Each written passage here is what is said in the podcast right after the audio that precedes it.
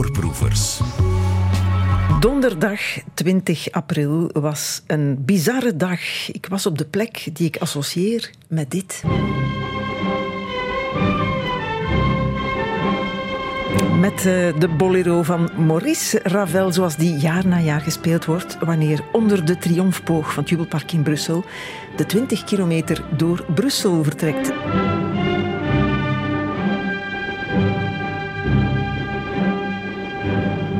Ik was daar niet om het eh, parcours al te checken. Ik ging kijken naar de tentoonstelling Expeditie Egypte in het Museum voor Kunst en Geschiedenis in datzelfde jubelpark in het gezelschap van koning Leopold II. Die kun je daar niet van je afschudden. Die plakt zich aan je vast. Die gaat met je mee op die tentoonstelling. Zoals hij ook van achter elke oude boom in dat jubelpark opduikt. Van achter elke vuile zuil. Hij heeft dat daar neergezet toen België 50 jaar bestond.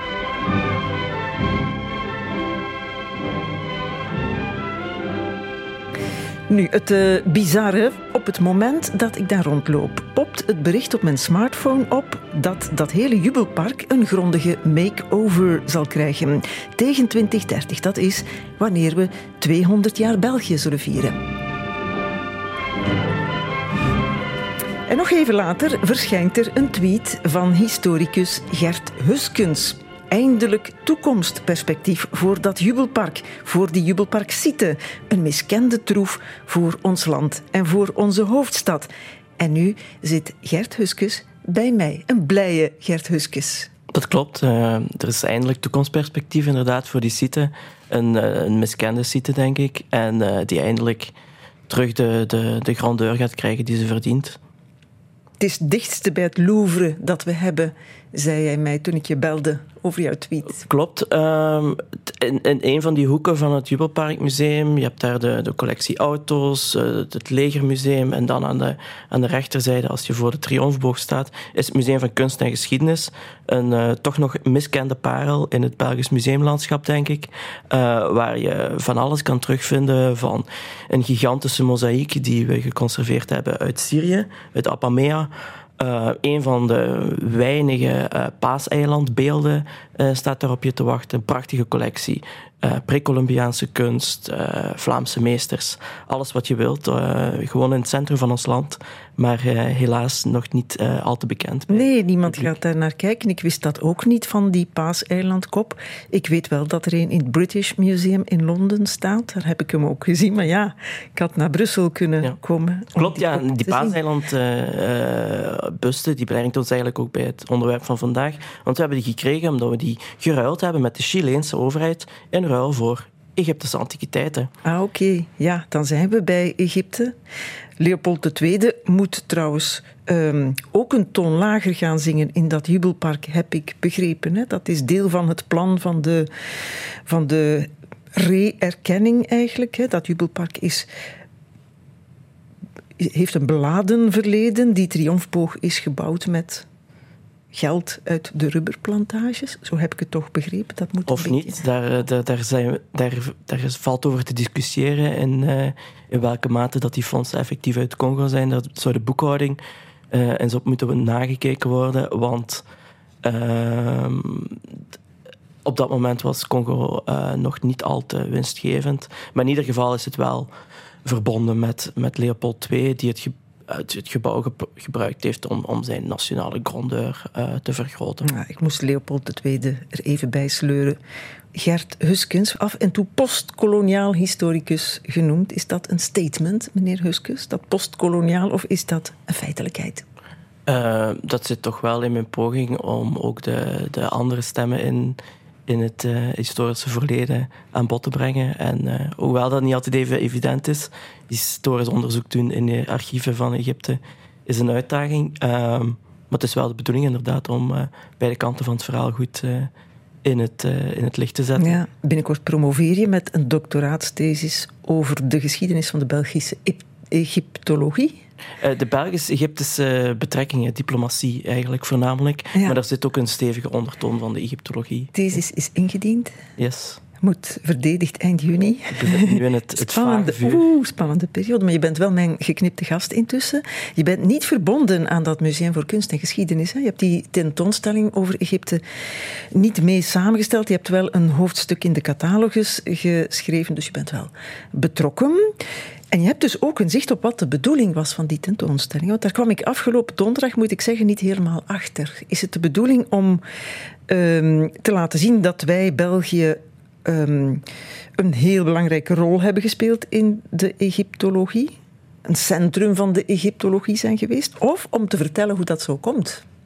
Het is om te laten zien uh, waar de roots liggen van uh, wat vaak uh, wordt gerefereerd als Brussel als hoofdstad van de Egyptologie en het interbellum onder de inspirerende leiding van Jean Capart, uh, de, de, de founding father van de Belgische school van Egyptologie, die uh, ook nu nog wel zijn stempel, die destijds zijn stempel heeft gedrukt op de Egyptologie en ook nu nog uh, gezien wordt als een, een waardige academische stem.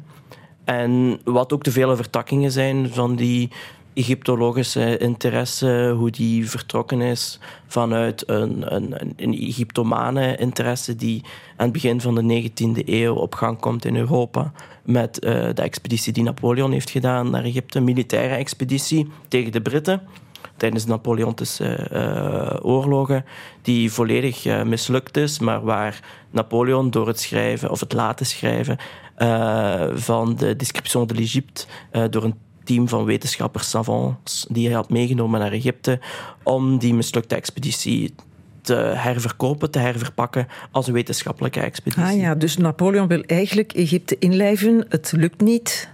En heeft in zijn zog wetenschappers mee. Klopt. En hij verandert dus zijn PR in een andere richting. Voilà, en hij zegt van ja, ik ben eigenlijk een beschermer van, van die antieke beschavingen. Uh, en ik heb hier een, het eerste het eerste meesterwerk laten maken over die, over die beschaving. Wat dan natuurlijk ook leidt tot een hele wetenschappelijke interesse. Um, waarvan het eerste hoogtepunt natuurlijk de ontcijfering is van de hieroglyphen. Ja, ja, ja. Want uh, het PR, dat is niet alleen een boek schrijven over ik heb dat hier allemaal ontdekt. Dat is ook tonen aan de Fransen wat je hebt gevonden, wat je hebt meegebracht. Want dat deed hij ook. Het graf van Tutankhamon was nog niet ontdekt op dat moment uh, hieroglyphen konden we effectief niet ontcijferen, want die steen van de Rosetta, waardoor dat gelukt is, was nog niet gevonden. Mhm. Wat hadden we dan wel om te tonen? Of wat had Napoleon om mee te brengen en te tonen? Wel, die description de l'Egypte is eigenlijk een volledige, uh, bijna een regiostudie uh, we vinden daar niet alleen antiquiteiten in terug, maar dat gaat ook over fauna en flora, over de landschappen. En natuurlijk, het is echt een, een, een eerste stap, het in kaart brengen van al het erfgoed wat er is. Daarom is het ook nog, nu nog zo'n een, een, unieke bron, omdat het wel een, een, een snapshot geeft van Egypte in die periode. Uh, en wat er op dat moment van Egyptische antiquiteiten nog nog recht staat en de huidige staat van, van bescherming op dat En is dat veel wat er dan recht staat? Op dat moment is, is, is, is, de, is de, is de kwaliteit van de Egyptische antiquiteiten uh, ja, of, of de, de sites uh, zijn nog soms in betere staat dan ze nu zijn. Uh, maar op het vlak van opgravingen moet natuurlijk wel die hele beweging nog op gang komen. Maar het is het begin, hè, zeg je. Ja, zegt de tentoonstelling het... ook, heb ik begrepen. Napoleon heeft daar een soort van interesse gewekt in het mhm. Westen voor Egypte. Ja. Dat is geen Egyptologie, hè? dat is Egyptomanie. Ja, die, die verwetenschappelijking van die Egyptomane interesse, waarbij die zich ook in andere cultuurvormen gaat, gaat uitdrukken. Uh, door bijvoorbeeld de, de Parijse interieurs, waarbij we uh, referenties gaan krijgen naar het Egyptische verleden. Uh, dat is nog niet echt een wetenschappelijke studie zoals we die vandaag kennen. Dus eigenlijk in die 19e eeuw gaat die zich geleidelijk aan ontwikkelen voornamelijk vanaf de jaren 1880 ongeveer begint wat men noemt de gouden eeuw of de gouden periode van de Egyptologie, waarbij er dus ja, zeer veel westerse wetenschappers naar Egypte gaan en daar in het, uh, in het Britse protectoraat over Egypte um, dus concessies gaan krijgen om opgravingen te doen. Ja. Uh, hebben we al musea om die spullen in te zetten? Eigenlijk, dat museum voor kunst en geschiedenis, bestaat het al op dat moment? Ja, aan het begin van de 19e eeuw zeker nog niet. In de, in de loop van de 19e eeuw gaat eigenlijk het Saint-Continaire Museum gaat eigenlijk uh, ontstaan door een samenvoeging van de collecties ook die zich onder meer in het uh, museumpje van de Hallepoort bevinden. En dan komt er dus het, het Saint-Contenaire Museum aan, aan het uh, einde van de 19e eeuw.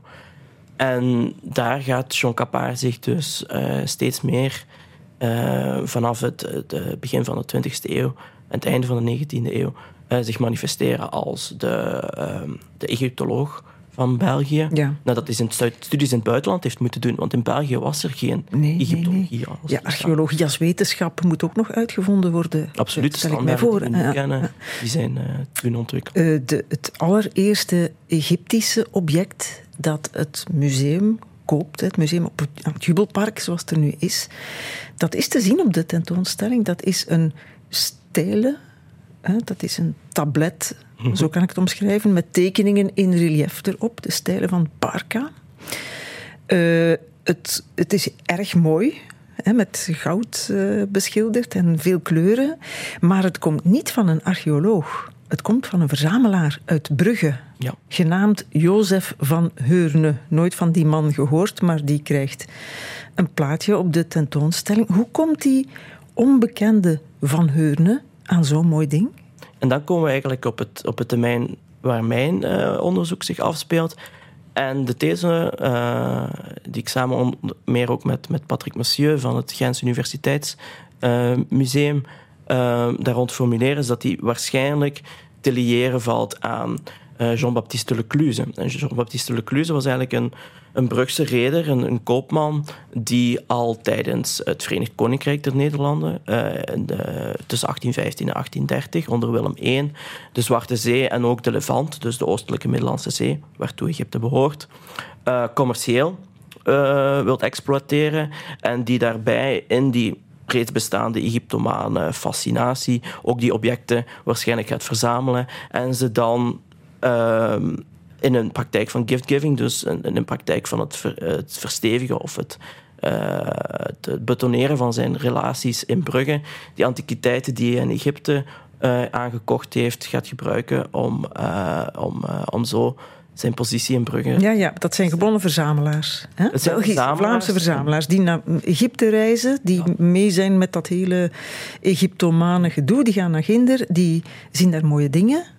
Klopt. En die kopen die. Die worden ook in een gaan van een collectie. je moet niet denken op dat moment dat het alleen maar Egypte is. Waarschijnlijk in die, in die, in die kisten die hij daar heeft meegenomen grote kans dat daar uh, Syrisch koperwerk bij zit, nog een Oriëntaals tapijtje, misschien een waterpijp, uh, een tiental vessen om uit te delen thuis. Je moet, je moet dat echt zo, uh, zo interpreteren. En waarom wil men daar in Egypte vanaf? In Egypte is op, op dat moment relatief, want je moet altijd voorzichtig zijn, relatief weinig interesse in de, in de waarde van die objecten. Natuurlijk, het is ook een moslimland. Uh, het is ook de cultuur van ongelovigen uiteindelijk, het met een veel godendom dat, dat, dat haak staat op, uh, op de verering van Allah. Um, dus daar is cultureel relatief weinig interesse voor, voor die objecten. Want er zijn er nog, hè, van die verzamelaars. Een August, François Auguste van Hamme. Die heeft een, uh, zijn Gentenaar. Ja, klopt. Die heeft in 1844 een kanopenvaas verkocht. Of gegeven, dat is me niet zo heel duidelijk. De kanopenvaas staat op de tentoonstelling, is prachtig. Dat zijn van die vazen die in graven stonden, ja, waar, dus waar de, ingewanden ja, de werden in terecht kwamen. Dus dat komt uit een graf van een belangrijk iemand. Hè? Iemand die zo begraven wordt, is niet een gewone mens in Egypte. Nee, dat kunnen functionarissen zijn. De, of, of, of mensen met een religieuze functie. Ja, maar dan weer, hoe komt François Auguste van Hamme uit Gent aan zo'n topstuk? Ja, er zijn een aantal opties. Ehm, ofwel is zij uh, zelf naar Egypte gereisd, zoals het geval is bij iemand zoals Hagemans, een andere verzamelaar. Ja, die komt ook vaak. Ja, die komt ook vaak aan bod. Of um, nu, altijd zijn die, zijn die, die lijnen niet direct te leggen. Uh, iemand die daar bijvoorbeeld in die periode ook eerder al rond uh, zwerft, is een, uh, een zekere Solomon Fernandez, een, een handelaar, een Joodse handelaar uit Livorno, die op dat moment in Saqqara, dus een tombe of een site uh, ten zuiden van Cairo, een heel aantal objecten verzamelt en die eigenlijk doorspeelt aan diplomaten, consuls die daar aan het verzamelen geraken. Mensen zoals een Henry Salt of een uh, Drovetti of uh, D'Anastasi. Dat zijn klinkende namen in de geschiedenis ja, van die. Maar er is geen wet die dat verbiedt. Nee, het, het, juridisch kader op dat moment is zeer, zeer, zeer vloe. Ook omdat dat totaal geen prioriteit is voor de Egyptische overheid om aan een soort van erfgoedcataloog te werken of een erfgoedbescherming. Uh, dus de missie is echt wat je vindt, dat mag je meenemen? Daar zitten we ergens in een schaduwzone, omdat bijvoorbeeld ook er moeten, naar, naarmate dat de tijd vordert, worden er systemen opgezet waarbij uh, er bijvoorbeeld uh, permits, dus toelatingen van de douane moeten gegeven worden. Dan zitten we al meer richting het einde van de 19e eeuw. Maar wie zit er in die douane? Dat zijn vaak ook zelf Westerlingen uh, die goede connecties hebben met de mensen die die objecten verzamelen. Of er zijn culturele organisaties, zoals het Grieks-Romeins Museum van Alexandrië, uh, die geconsulteerd worden. Dan zitten we aan het eind van de 19e eeuw om een soort van expertiseverslag te geven van wat zijn die objecten, mogen die al dan niet naar buiten. Maar ook die worden natuurlijk weer op opnieuw gedomineerd door mensen met goede banden met de diplomatie ja. of met de commerciële uh, relaties. Ja, dat zijn gouden tijden voor avonturiers, verzamelaars. Klopt. Uh, een van die avonturiers is bijvoorbeeld ook uh, Belzoni, een, ook een hele mysterieuze man. Uh, die nog uh, gediend heeft als, als strongman, als, als sterke beer in het circus, maar ook zijn Egyptologische bijdrage levert. En het is de mummie van zijn vrouw, nu niet van zijn vrouw, maar in, in eigendom van zijn vrouw, uh, die ook in, in Brussel ligt. Uh, de, zogenaamde, ja, de mummie van uh, Sarah Belzoni, die we ook kunnen bewonderen. Op... Dus je kon ja, een kist vol rommel kopen? Hè? Of rommel vol, vol met van alles. Van maar daar kon ook een mummie tussen zitten. Zeker, Gewoon. Ja, ook mummies werden verscheept. Ja. Klopt, ja. Ik schrik daarvan op die tentoonstelling. Hoeveel waardevolle, authentieke objecten... Ja op die tentoonstelling te zien komen van onnozele Belgische ja. verzamelaars. En dan zit je in de archieven en dan staat daar uh, ja, caisse d'antiquité verzameld. Ja. ja. Of dat nu een kist zo groot is als een, als een container of een klein doosje, ja, daar heb je dan het raden naar. Is dat nu goed geweest of niet voor de wetenschap? Want uh, het wordt wel naar hier gebracht, het wordt eventueel getoond. Wordt het onderzocht, bijvoorbeeld? Langs de ene kant moet je benadrukken dat die 19e-eeuwse fascinatie er wel nog altijd voor zorgt, uh, of toch nog zeker zijn, zijn naweeën heeft in de, in de huidige, overdreven, zou ik niet zeggen, maar disproportionele aandacht voor Egypte. Met een, uh, je gaat nooit zoveel uh, fascinatie opwekken met iets als over ja, pre-Columbiaanse objecten of zo. Egypte triggert nog altijd iets. En ligt daar de bron? Uh, ja, dat kunnen we toch wel zeggen dat die in, die in die 19e eeuw toch wel die bron ligt voor die huidige fascinatie. Ja, het is geen uh, professionele toestand op dat moment. Hè. Je zou kunnen zeggen, veel van die dingen die dan meegebracht worden, kunnen ook fake geweest zijn, bijvoorbeeld. Absoluut. Uh, fake antiquiteiten zijn, zijn zo oud als Egypte zelf. Er zijn voorbeelden bekend van Romeinse legionairs, voor wie de geschiedenis van Egypte ook al antiek was en zeer oud was uh, die, die, die fake antiquiteiten aankopen. Maar ja, wij vinden fake niet erg. Heb ik de indruk, uh, in de zomer was er een tentoonstelling op Tour en Taxis. Klopt. Over Egypte met 100% puur fake objecten. Klopt, er stond geen enkel authentiek object. Er is ontzettend veel volk naartoe gegaan. Er is veel volk naartoe gekeken. Begrijp jij dat? ik kan het plaatsen. Uh, ik vind het ook op zich niet uh, slecht, want het maakt natuurlijk uh, het contact met antiek Egypte ook uh, op een duurzame manier mogelijk. Waarbij je dus niet allemaal in hordes naar Egypte moet vliegen. Uh, het zorgt er ook voor dat er blijkbaar toch een zekere uh, draagvlak is om. Maar het is allemaal plastiek waar je naar zit te kijken. Ja, het is, het is, ja je moet je daarover zetten. of niet gaan. Ja, maar voor de perceptie om gewoon te kijken verandert er eigenlijk niet. Natuurlijk is het niet... Dat, toch wel. Ja, het idee, Als je naar een Rubens gaat kijken en men zegt dat is allemaal nageschilderd nu. Ja, en toch, en toch doen we dat voor Egypte. Die, die, die, die, die aantrekkingskracht van het, het goud, het blinkende goud, het Tutankhamon-verhaal, het ondergedompeld worden in die ja, toch ook wel georiëntaliseerde setting is blijkbaar toch nog altijd sterk genoeg om. Uh... En dan moet de belangrijkste speler nog op het toneel verschijnen, koning Leopold II. Hij moet nog opkomen, nog niet eens als koning, hè, maar nog als prins mhm. reist hij naar Egypte. En dan kunnen we weer het spelletje spelen van ik ga op reis en ik neem mee. Klopt. Nee, niet ik neem mee, maar ik breng mee. Maar goed, we zaten bij de politiek, ook dicht bij de koning. Dus ons koningshuis komt het toneel op. Ons koningshuis heeft een speciale band met Egypte, hebben we geleerd de afgelopen maand. Ehm, pas op, want je hoort eerst vooral lawaaierige pers. Even poseren zoals koningin Elisabeth 100 jaar geleden, om een foto na te maken van toen. Ook Elisabeths bedovergrootmoeder logeerde in der tijd in het Winter Palace Hotel in Luxor. De hele dag lopen ze letterlijk in haar voetsporen. Zoals ook hier op de site van El Cap, een van de oudste Belgische archeologische sites. Koningin Mathilde en prinses Elisabeth gingen in de voetsporen van de oude koningin Elisabeth naar Egypte. Nu, voor koningin Elisabeth zat daar al een andere koning, een die je overal tegenkomt, niet alleen in Egypte, de genaamde Leopold II. Die reist drie keer naar Ginder in 1855, in 1862 en nog een keer op de terugreis van China. Dan stopt hij ook in Egypte.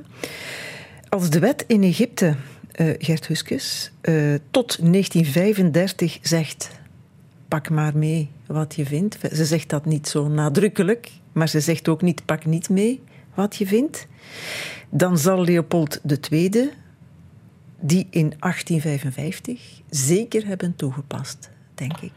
Klopt. Uh, veel van wat we daarover weten is uh, te danken aan, aan, twee collega's van mij, die ook in het Pyramids in Progress uh, project zaten, waar ik aan verbonden was.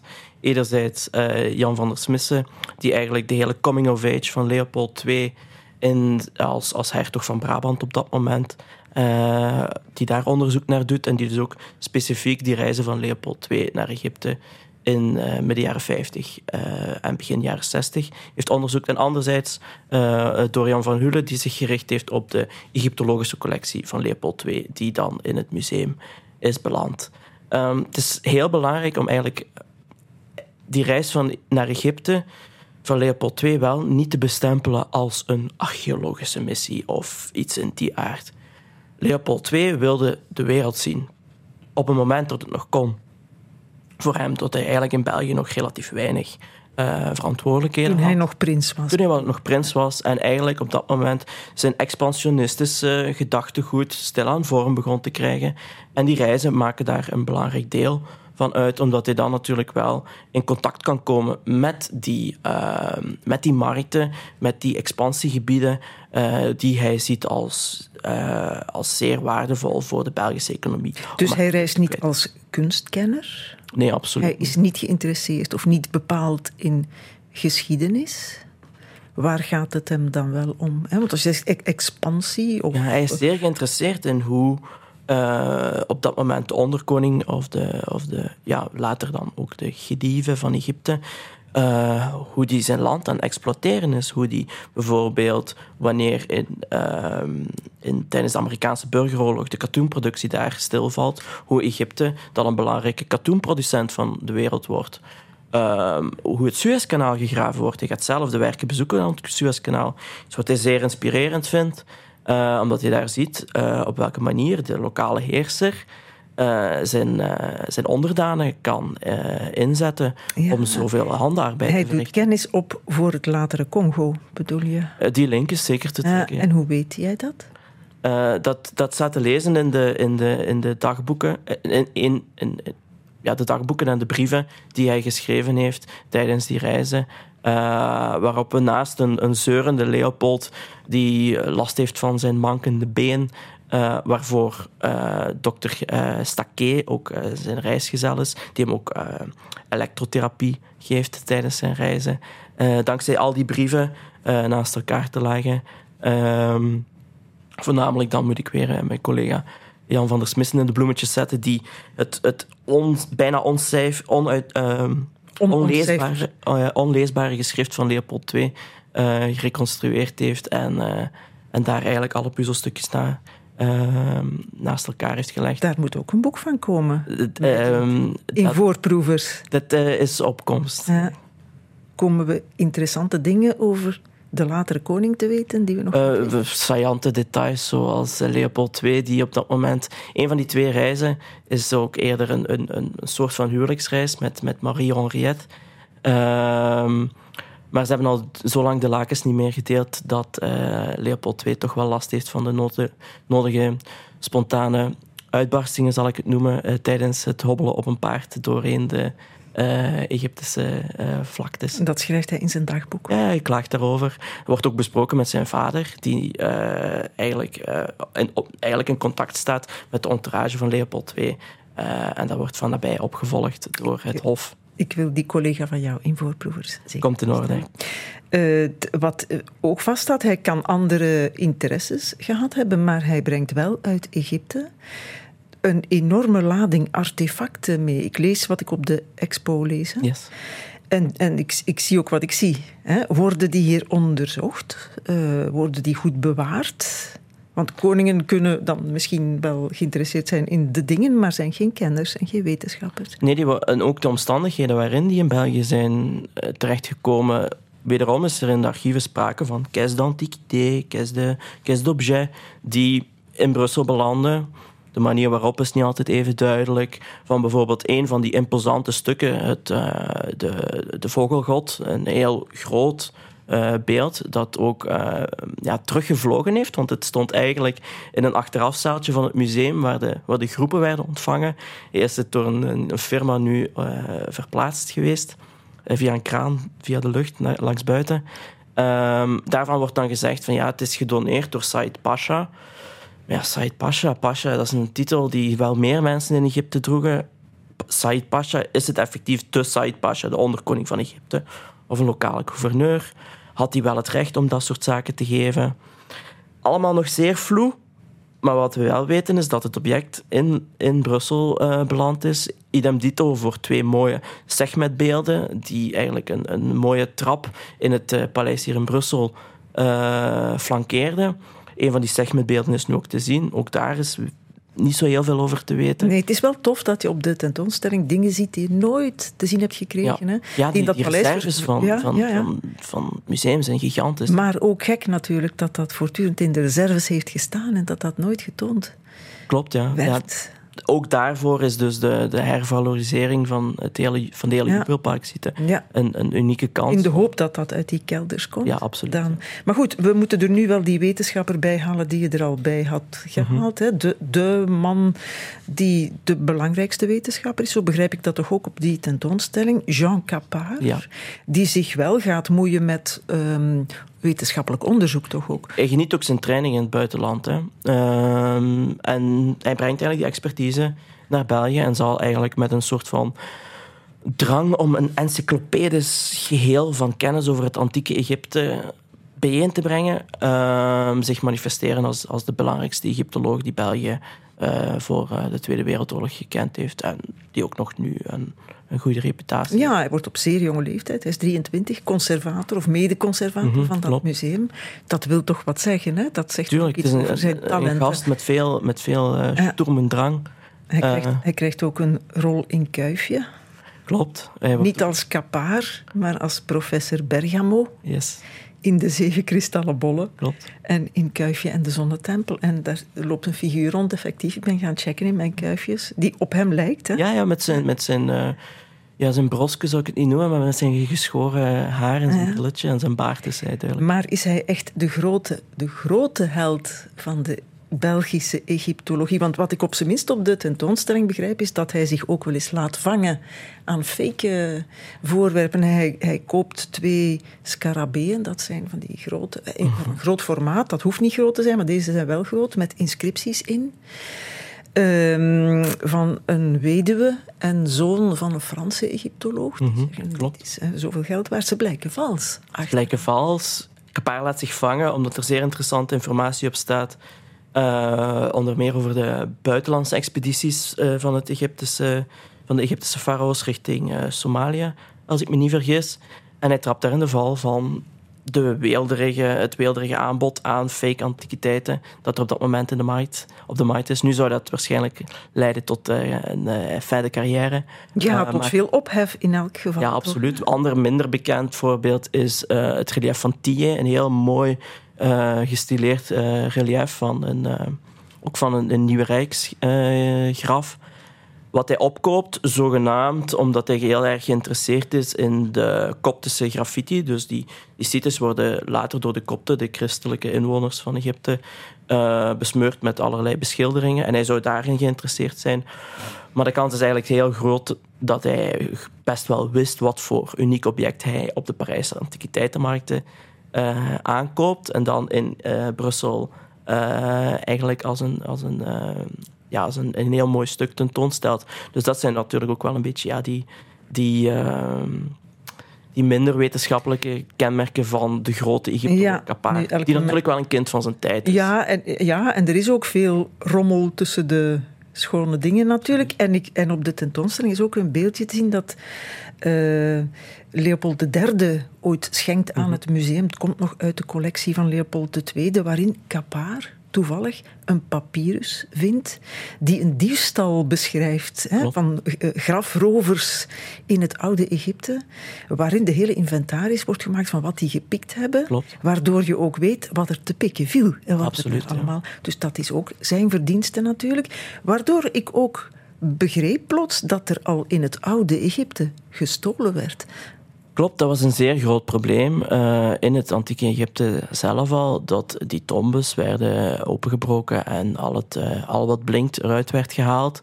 En daardoor is er ook geleidelijk aan een, praktijk ontstaan van het, eigenlijk het terug opgraven van al die mummies en die ze dan te verstoppen in een, wat men noemt een een, een grot, waarin al die mummies dan werden bijeengestompt, afgesloten, verzegeld en dan uh, om te vergeten uh, in, de, in de decennia die erop volgden. En het is een van die kastjes die eigenlijk in het begin van uh, eh, 1890 ontdekt wordt. de cache van de priesters van Amon, de Bab el Ghazous cache in Luxor. Vol met mummies. Vol met mummies en kisten ook. dus ook die prachtig beschilderde kisten die we in het midden van de tentoonstelling zien die ook recent gerestaureerd zijn.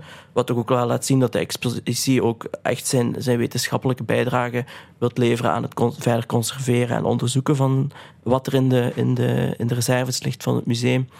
Uh, die kasten worden eigenlijk uh, door België gewonnen op een soort loterij. Want op dat moment is de Gedi van Egypte, dus de onderkoning, staat eigenlijk onder Britse overheersing. Maar omdat hij toch recent een, een, een wet gestemd is die zijn status bevestigt, um, gebruikt hij die kisten om die te verloten aan alle diplomatieke machten die relaties hebben met Egypte, waaronder België. En de Belgische consul-generaal, Leo Maskes, trekt een lotje en al die kisten komen... Wij krijgen dat gewoon. En, en deelt hij ook zo mummies uit, bijvoorbeeld? Uh, mummies uh, heb ik. Uh, nu goed, de kisten zijn al mooi genoeg. Hè? Er staan er tien. Ja, tien kisten. Opgesteld. Waar ook nog een heel aantal andere objecten bij ja, ja, ja, ja. Prachtig, heel erg mooi. En mooi gedaan ook met spiegels, zodat je er ook in kan kijken en zo. Nu, ik snap toch niet zo goed waarom. Um, het dan later, als je dingen meebrengt. Hè, vroeger werd gesproken over grafroof, werden dingen verstopt en op, opeengestapeld om ze onvindbaar te maken. Waarom het dan later geen diefstal meer zou zijn? Omdat een Egyptische regering dat een tijd lang niet interesseert, maar daarvoor dan blijkbaar toch wel.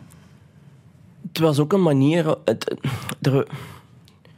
die grafroof, ja, dat wordt eigenlijk ja, door die het is natuurlijk moeilijk als je echt puur op ethisch-deontologisch vlak gaat kijken wat het verschil tussen, tussen grafroof en het opgraven is natuurlijk het wetenschappelijke cachet dat eraan gegeven wordt door ja, wat we nu gaan doen door dit op te graven, gaan we meer te weten komen over de geschiedenis van de mensen. Ja, maar desinteresse van een Egyptische regering onder, onder voogdij van een Britse regering dan nog. Dus een Egyptische regering die niet zo vreselijk veel te zeggen Die aan handen en voeten gebonden was. Waar, waaronder dan dingen worden weggegeven, à volonté bijna.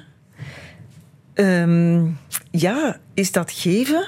Is dat krijgen? Is dat kopen? Is dat stelen? Klopt, dat is een zeer, zeer moeilijk evenwicht. En daarom dat je eigenlijk ook, als je zou willen praten over restitutievraagstukken van de Egyptische collectie, fictief voorbeeld, dan zou je het eigenlijk object per object moeten gaan bekijken hoe die in België zijn beland. Bijvoorbeeld John Capar, die kocht uh, ook heel veel stukken aan in, uh, van Britse missies. Maar die vonden plaats in een context waarbij er een partagesysteem was. Dus de, Britse, de Egyptische regering, onder invloed van de Britten, uh, verleende een concessie aan Egyptologen. En dat was de deal: 50-50 moet worden uh, opgedeeld. En 50% mag naar Europa en 50% ja, moet maar hier. de Britse regering speelde de baas. Ja, maar ook de Egyptische regering had zelf vaak niet de interesse, maar ook niet de middelen om die, die, dat wetenschappelijk onderzoek te doen naar die objecten.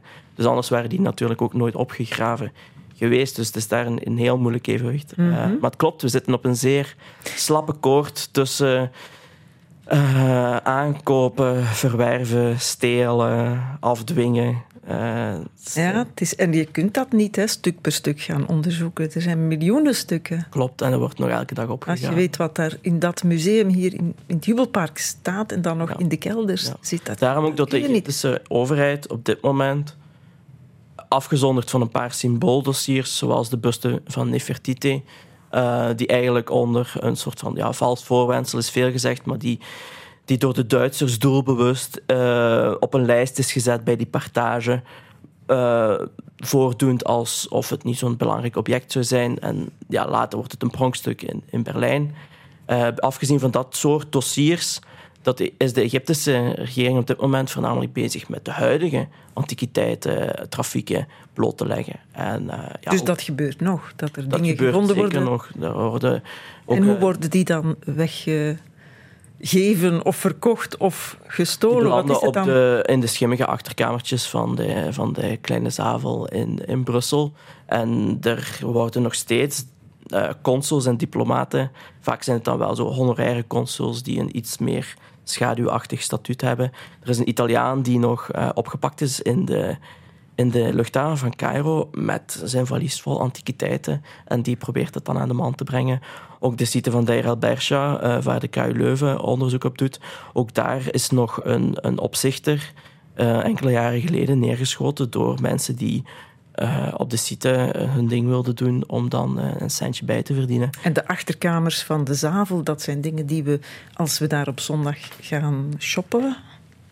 Shop, ik ga dat niet doen, ik ga daar rondwandelen. niet te zien. Dat, dat gaat dan om echt de, de ja, zeer gefortuneerde mensen die hun contacten hebben en daar hun... En die weten dat daar dingen te krijgen Die weten dat daar zaken Maar wel Belgische mensen ook. Wat blieft? Wel Vlamingen, bijvoorbeeld. Voor zover ik niet weet. Voor zover ik weet niet, maar... Dat is mooi gezegd, voor zover ik niet weet. Ja. ja. Um, Egypte steekt daar zijn vinger wel voor op, heb ik begrepen. Ja, en terecht ja. ook, vind ja. ik. Dat zijn maar zaken. voor al die oude dingen niet. Nee, omdat ze natuurlijk anderzijds ook wel beseffen dat het PR al die Egyptologische uh, musea in het Westen zijn PR-kantoors ja. die de fascinatie die uit die 19e eeuw stamt nog steeds levend houden en die mensen uh, zich doen interesseren voor Egypte en dus ook en masse naar Egypte Toeristen gaan om brengen, de real deal te zien. Ja, en dat is een grote bron van, Enorme inkomsten, bron van inkomsten. Daarginder. Maar die steen van Rosetta, hè, waar, de, waar de hieroglyphen op stonden samen met twee andere geschriften, waardoor voor het eerst hieroglyphen zijn kunnen mm -hmm. ontcijferd worden, die is te zien in het British Museum. Op dit moment toch? Hè? Klopt, ja. Dat is toch uh, uh, uh, ja, onder Britse voogdij naar Ginder gehaald. Ja, dat is eigenlijk dan door de Fransen ontdekt tijdens de expeditie in Egypte. Maar omdat dan de Britten natuurlijk van Napoleon gevangen hebben, is dat in Britse handen gekomen en zo ja, uiteindelijk. Noem je dat dan stelen of is dat krijgen? De steen van Rosetta is uniek in die zin dat hij na enorm symbolisch is langs de ene kant, maar dus ook wel echt heel makkelijk te categoriseren valt als oorlogsbuit. Dus voor de steen van Rosetta, daar is het laatste woord zeker nog niet over geschreven. En daar steekt Egypte ook zijn vinger voor op? Uh, daar is meer diplomatieke ja. druk uh, over.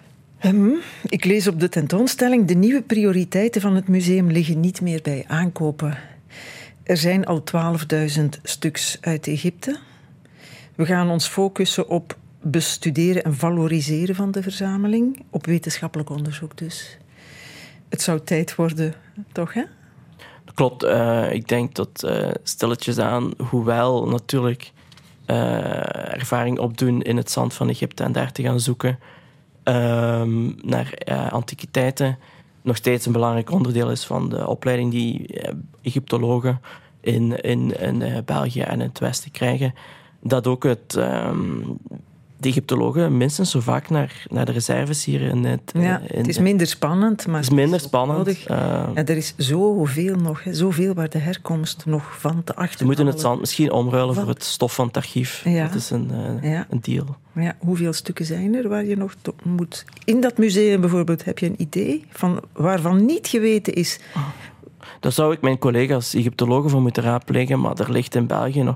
Eh, tijdens mijn onderzoek naar, naar onder andere reizigers naar Egypte bleek er in het kasteel van Loppem, waar ooit de fameuze coup van Loppem is gepleegd na de Eerste Wereldoorlog door de Belgische Ook nog heel veel. Daar lagen ook uh, een stukje van een, een, een reiziger, uh, Joseph van uh, Kaloen, van de Kaloen-familie in, in Vlaanderen. Um, daar bleek ineens ook nog Oeshaptis en zogenaamd stukje van een zuil te liggen. Ehm, dus ik zou zeggen, trek jullie schuiven thuis maar eens goed op. en, uh... Ja, laten we dat doen. en hopen dat er iets in zit. Expeditie Egypte in het Museum voor Kunst en Geschiedenis. Tot 1 oktober, dus nog tijd genoeg om te gaan kijken. Dankjewel, Gert Huskus. Voorproevers.